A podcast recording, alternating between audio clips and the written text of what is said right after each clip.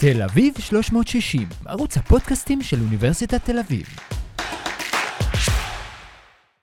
מה המוטיבציה לרמות בדוחות כספיים, איך מאתרים רמאים, ולמה חשוב שחוקרי מינהל ישמשו בתפקידים בחברות ציבוריות. על כל אלה בפודקאסט תל אביב 360. שלום, כאן מיכאל בירו, ואני שמח לארח אותך, הפרופסור דן עמירם, אתה דיקן הפקולטה לניהול על שם קולר באוניברסיטת תל אביב. ונתחיל ברמאים, וואו.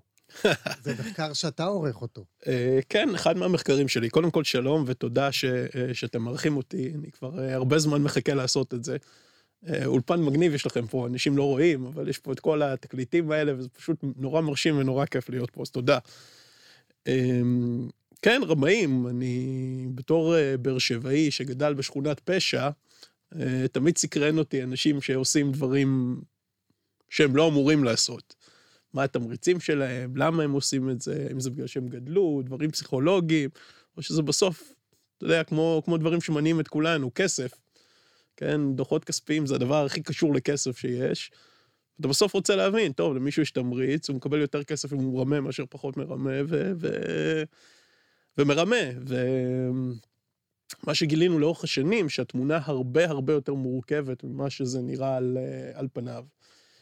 אמ, אז השקענו, השקעתי הרבה זמן מהקריירה שלי בלנסות להבין למה אנשים, למה אנשים עושים את זה, איך הם עושים את זה, אה, אם יש דרך לאתר אותם.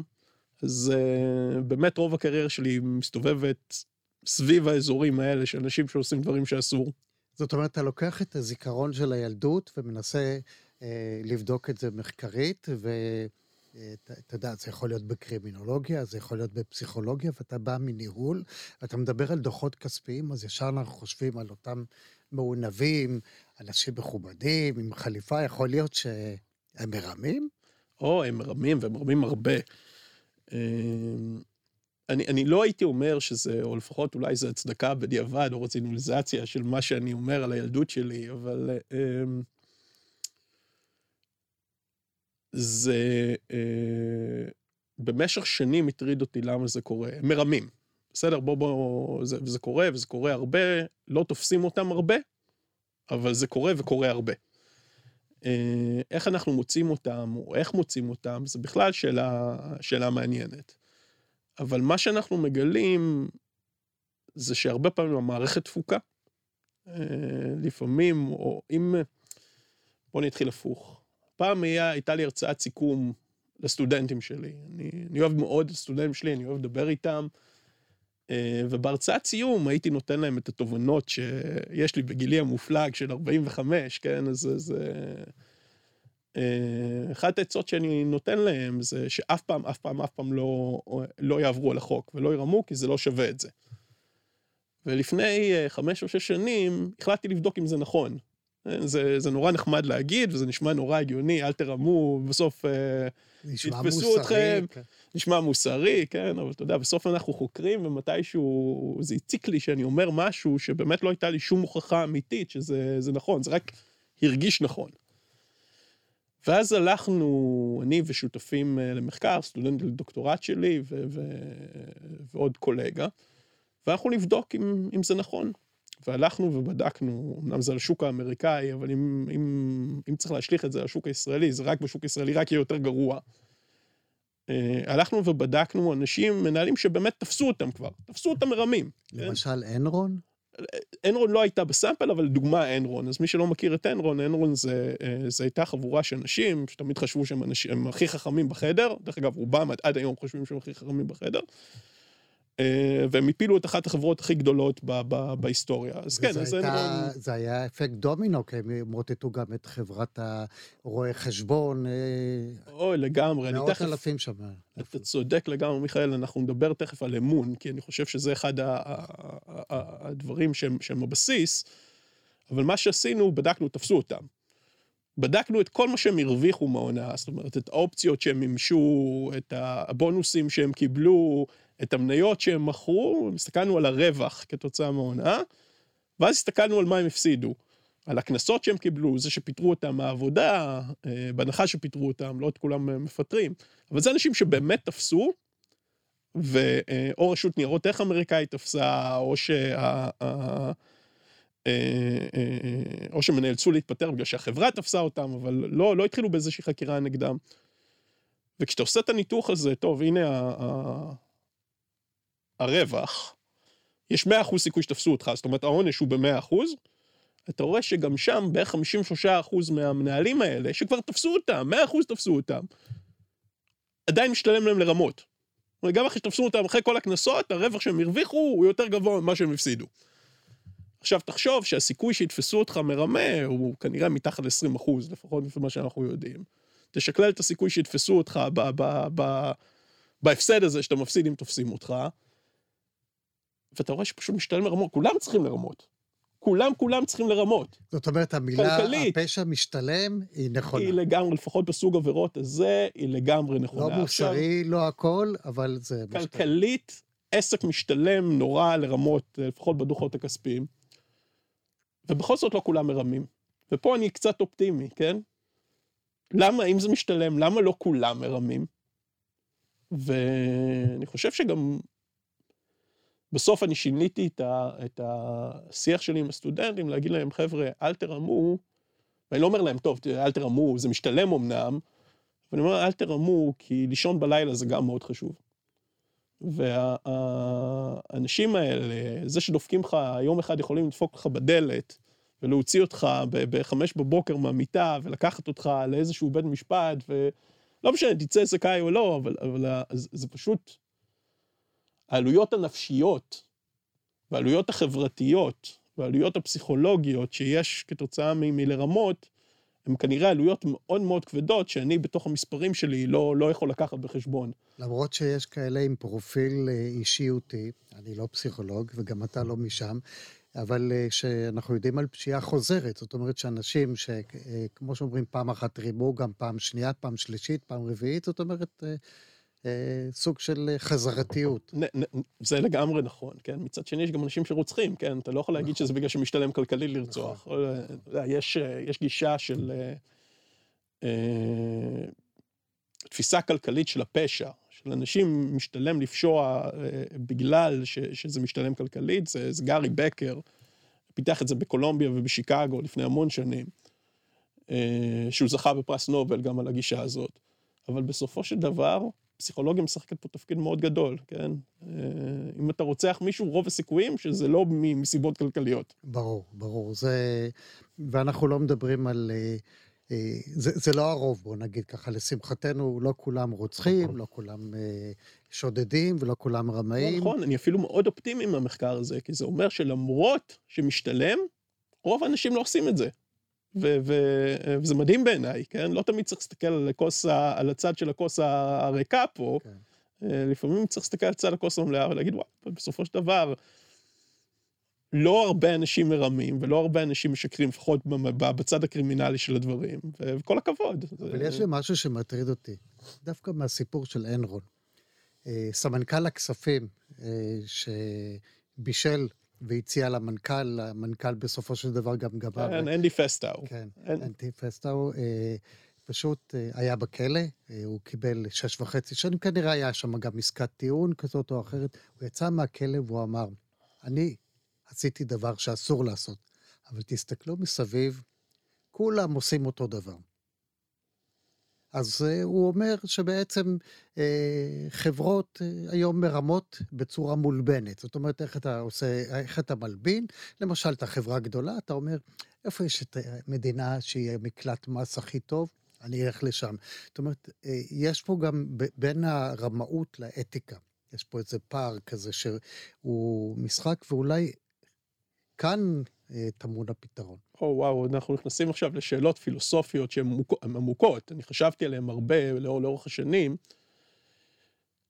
אני, אני קפיטליסט, לא אני קפיטליסט במובן הזה שאני אני כן אכפת לי מ, מ, מ, מה, מה, מהתוצאות, מהקיצוניות לפעמים שהקפיטליזם יוצר, אבל אני איש שווקים.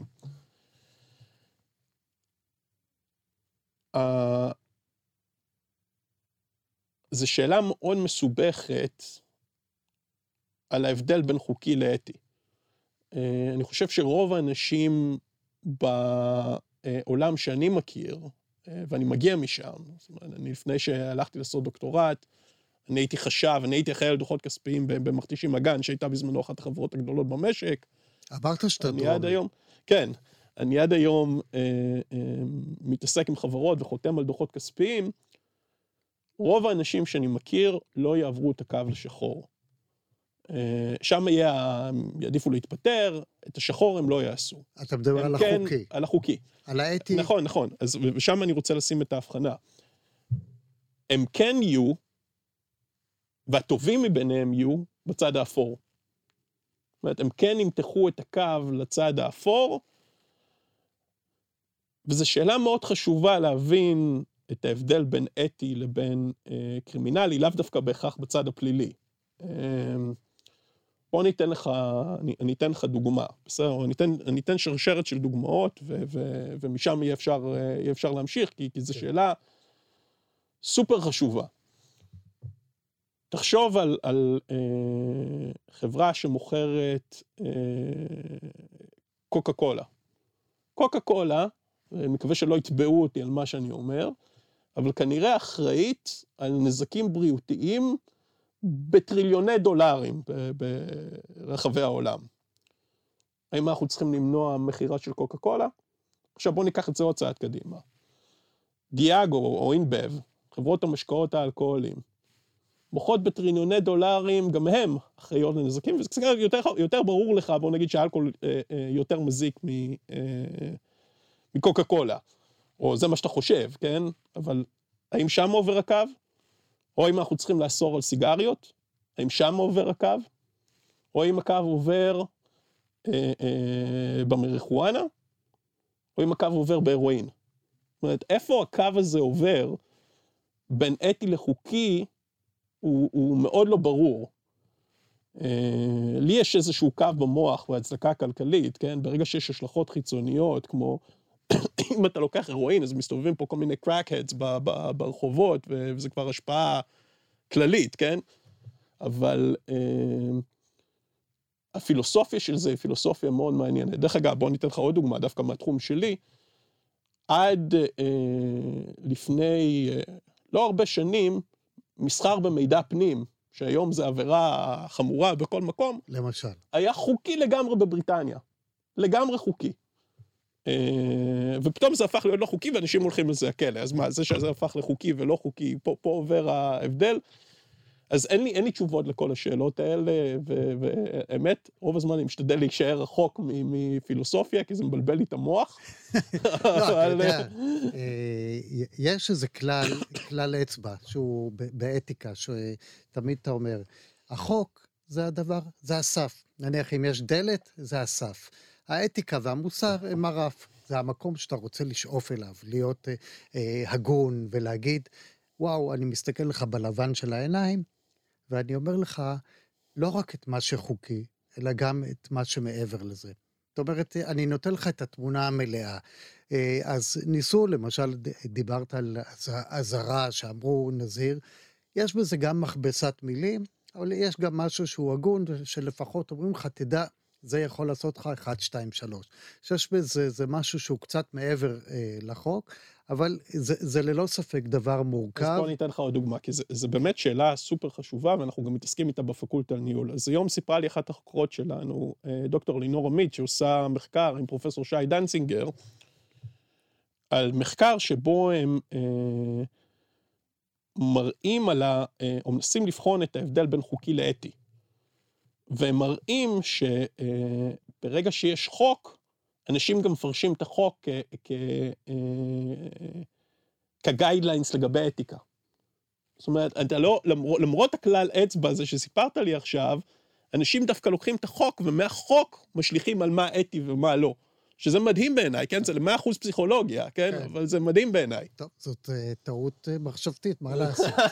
כי זה, זה בדיוק, uh, כשאנחנו מדברים, כי החוק זה בעצם, זה הפשרה שאתה ואני הגענו, אנחנו מחוקקים ואנחנו הצבענו, ומי בעד, מי נגד, זה לא דבר שהוא, בייחוד שגם חברי הכנסת לא חתומים על קוד אתי, אז בכלל הכל אה, אה, נראה טוב. בני, אבל... בני אדם הם יצורים פגומים אה, מטבעם. אבל מה שמעניין, דווקא פה לטובת החברות הציבוריות, שאתה נמצא ואתה גם מעודד אה, את אה, המרצים האחרים, חבריך לפקולטה, ללכת ולקבל תפקידים כדי להתנסות בעולם הזה, אבל בחברות הציבוריות במרביתן יש קוד אתי.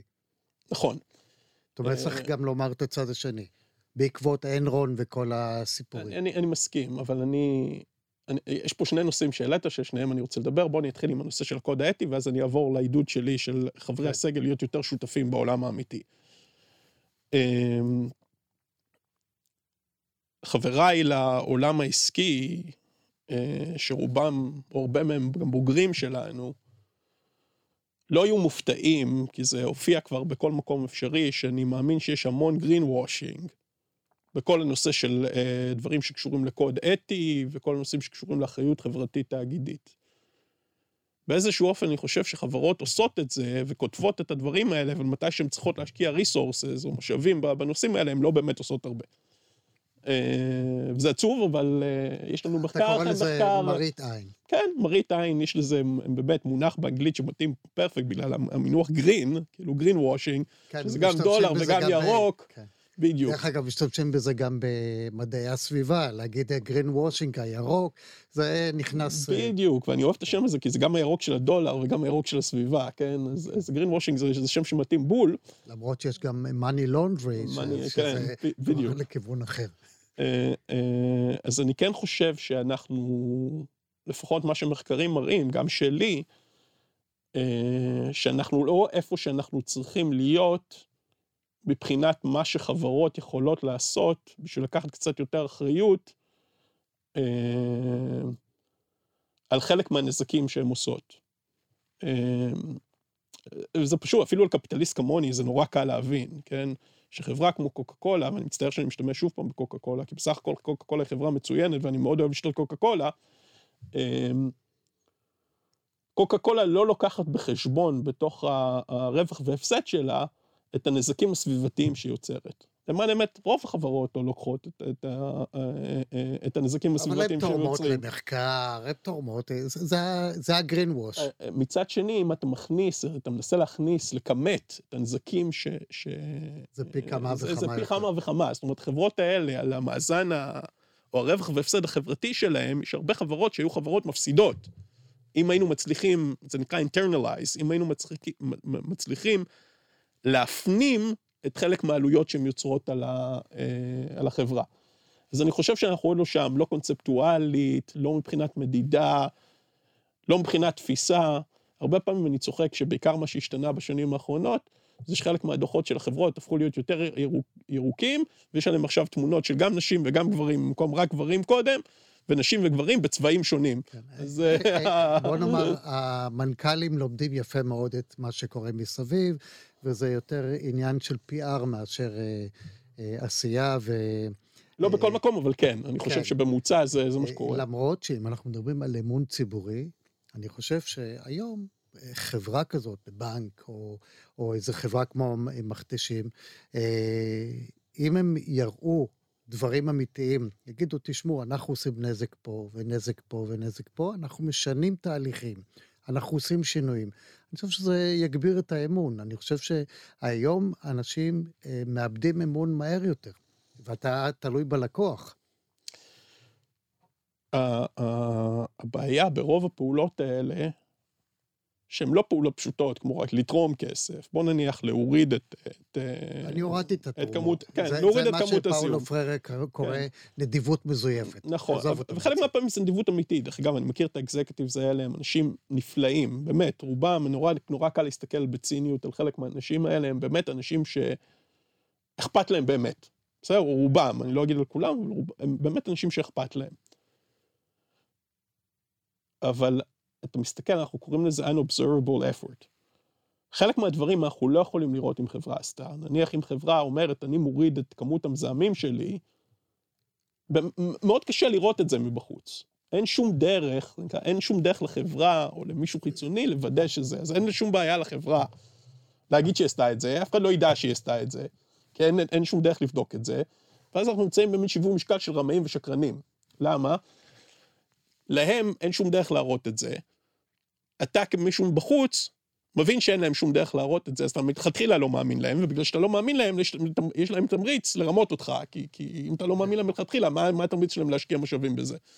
אז הבעיה הזאת מסביב לזה היא בעיה מורכבת, שאני חושב שרק עכשיו אנחנו מתחילים להבין איך להתמודד איתה.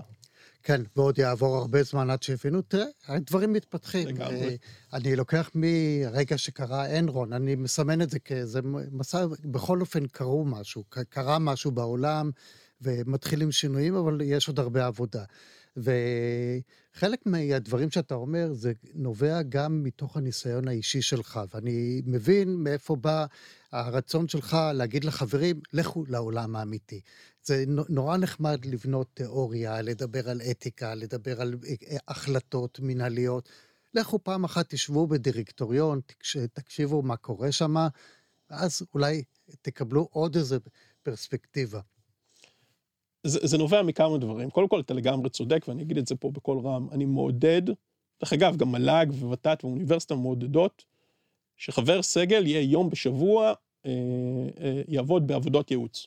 ואני אסביר לך למה אני מעודד את זה, ואני אה, חושב שצריך להיות חלק מהתרבות שלנו בתור פקולטה לניהול. אבל זה מתחיל עוד צעד אחורה. אנחנו אוניברסיטה ציבורית. התפקיד שלי בתור הפקולטה לניהול זה להיות שימושי. אני רוצה שכל חברי הסגל שלי יהיו שימושיים. תהיה שימושי ל- ל- לכל דבר שקורה פה, לכל דבר שקורה פה במדינה, לכל דבר שקורה פה בתעשייה, תהיה שימושי. אנחנו משאב ציבורי, אנחנו צריכים לשמש את כל מה שקורה פה.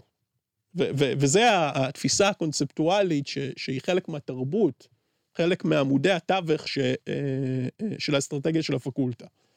אז עכשיו בוא אני אגיד לך גם מה אני חושב, אז בסדר, זה חשוב להיות useful בשביל החברה, אבל אני חושב שזה גם חשוב להיות useful בשביל החוקר ובשביל הסטודנטים. כי אם אתה עושה מחקר לצורך העניין על בורדים, או על חברות סטארט-אפ, אבל בחיים שלך לא ראית חברות סטארט-אפ, או בחיים שלך לא ראית בורד, אלוהים לא ניהלת אף אחד מימי חייך, איך אתה יכול לכתוב על זה מאמר? כאילו, אתה יכול לכתוב, אבל, אבל אתה יודע, אנשים... הוא צריך לפחות לראיין אותם, לא? אה, לא, אנחנו, אני לפחות, רוב העבודה שלי היא עבודה אמפירית, יש לי בסיס נתונים, אין לי שום בעיה אה, לעשות... זאת אומרת אה, אקסל, אתה מכיר את החברה הזאת, הזאת דרך האקסל. לגמרי, לגמרי. אני אפילו לא צריך להסתכל על החברה, מבחינתי זה תצפית אחת, תצפית שתיים, תצפית שלוש. זה לא, לא באמת משנה לי איזה חברה יש שם, זה מה שהדאטה אומר, כן? כן. ו... זה בעצם לצאת ממחקר הדאטה אפילו להשתתפות אה, משתתפת, זאת אומרת למחקר משתתף, אה, ממש לתצפת דברים. אז אני פחות ממליץ על מחקר משתתף, זאת אומרת, אני, אני משתדל, או אני אגיד להם, תכירו את הזה, אבל, אבל ככל שניתן, שלא יעשו את העבודה על מה שהם... אה, בדיוק. כי... ו- ורובם לא עושים, הניגודי העניינים האלה הם לא טובים, זה, ואני... ככל שניתן להימנע מניגודי עניינים, אז עדיף שהם, שהם לא יהיו. אבל אם ראית דירקטוריון אחד, כבר יש לך אין סוף יותר תצפיות מאם ראית אפס דירקט, דירקטוריונים. אתה רוצה להגיד משהו על דירקטוריון, אתה רוצה להגיד משהו על סטארט-אפ, אז כדאי שתגיד את זה. אתה מלמד על סטארט-אפים, אתה מלמד על דירקטוריונים בכיתה, אתה מלמד על דוחות הכספיים בכיתה, אתה מלמד על הערכת שווי.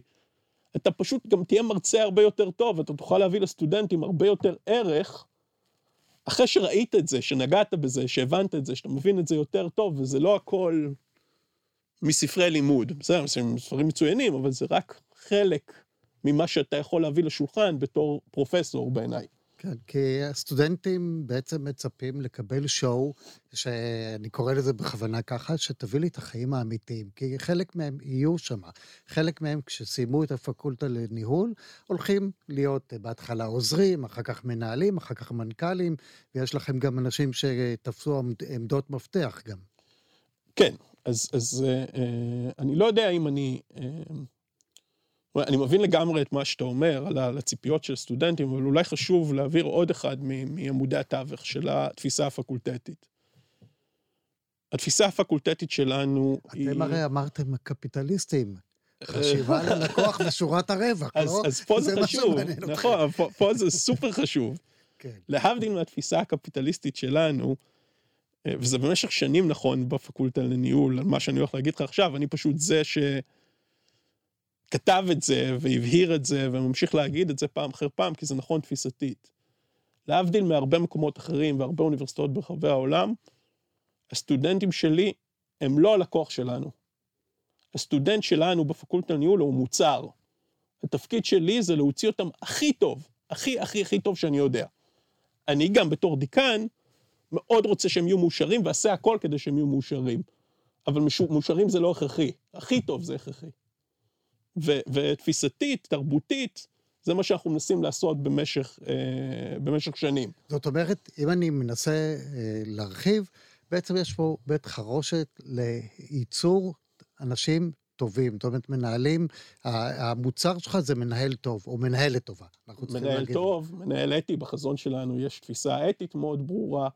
אה, אבל כן, קודם כל אני חייב להגיד, אנחנו מקבלים אותם מצוינים. הייתי שמח להגיד שכל הסטודנטים שלנו וכל הבוגרים הנפלאים שלנו וכל הסטארט-אפים שיצאו מאיתנו זה תוצאה לגמרי של החינוך שלנו, אבל זה לא נכון.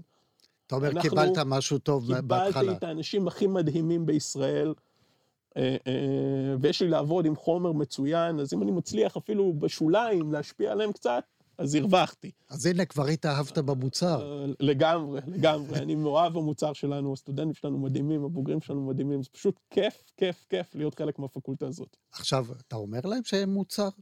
אה, לגמרי. השיחה הראשונה... הם מודעים, כי הם אומרים לך, אני שילמתי שכר לימוד, הוא מדבר איתך על זה שקשה לו עם שכר דירה וכל הדברים. ביום הפתוח, ובשיחה הראשונה שלי איתם, ובכל הזדמנות, אני חושב שהתרבות של הפקולטה זה דבר שהם צריכים לדעת לאיפה הם נכנסים. כל שיחה שיש לי איתם, או לפני שהם נכנסים לאוניברסיטה, הם יודעים שהם המוצר.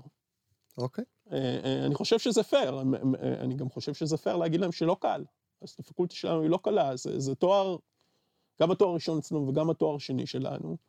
אם מישהו רוצה שהחיים שלו, קלי, שלו יהיו קלים, שילך ללמוד במקום אחר. לא, אנחנו, אנחנו לא בשבילו. פרופסור דן עמירם, התחלנו עם העניין של מוטיבציה לרמות, ואנחנו דיברנו הרבה על אתיקה, וזה מה שאתם גם מחדירים לאנשים, שנכון, משתלם לרמות, הכל טוב, אבל תהיו אתיים, תהיו מוסריים, ואז תצליחו. זה המסר שלכם? זה אחד המסרים שלנו, כן. אם, אם לא, אולי, אולי המסר הכי חשוב, אבל זה אחד המסרים שאנחנו אה, מנסים, אה, מנסים להטמיע בסטודנטים שלנו. פרופסור דן עמירם, דיקן הפקולטה לניהול על שם קולר באוניברסיטת תל אביב, תודה רבה לך. תודה רבה. תל אביב 360, ערוץ הפודקאסטים של אוניברסיטת תל אביב.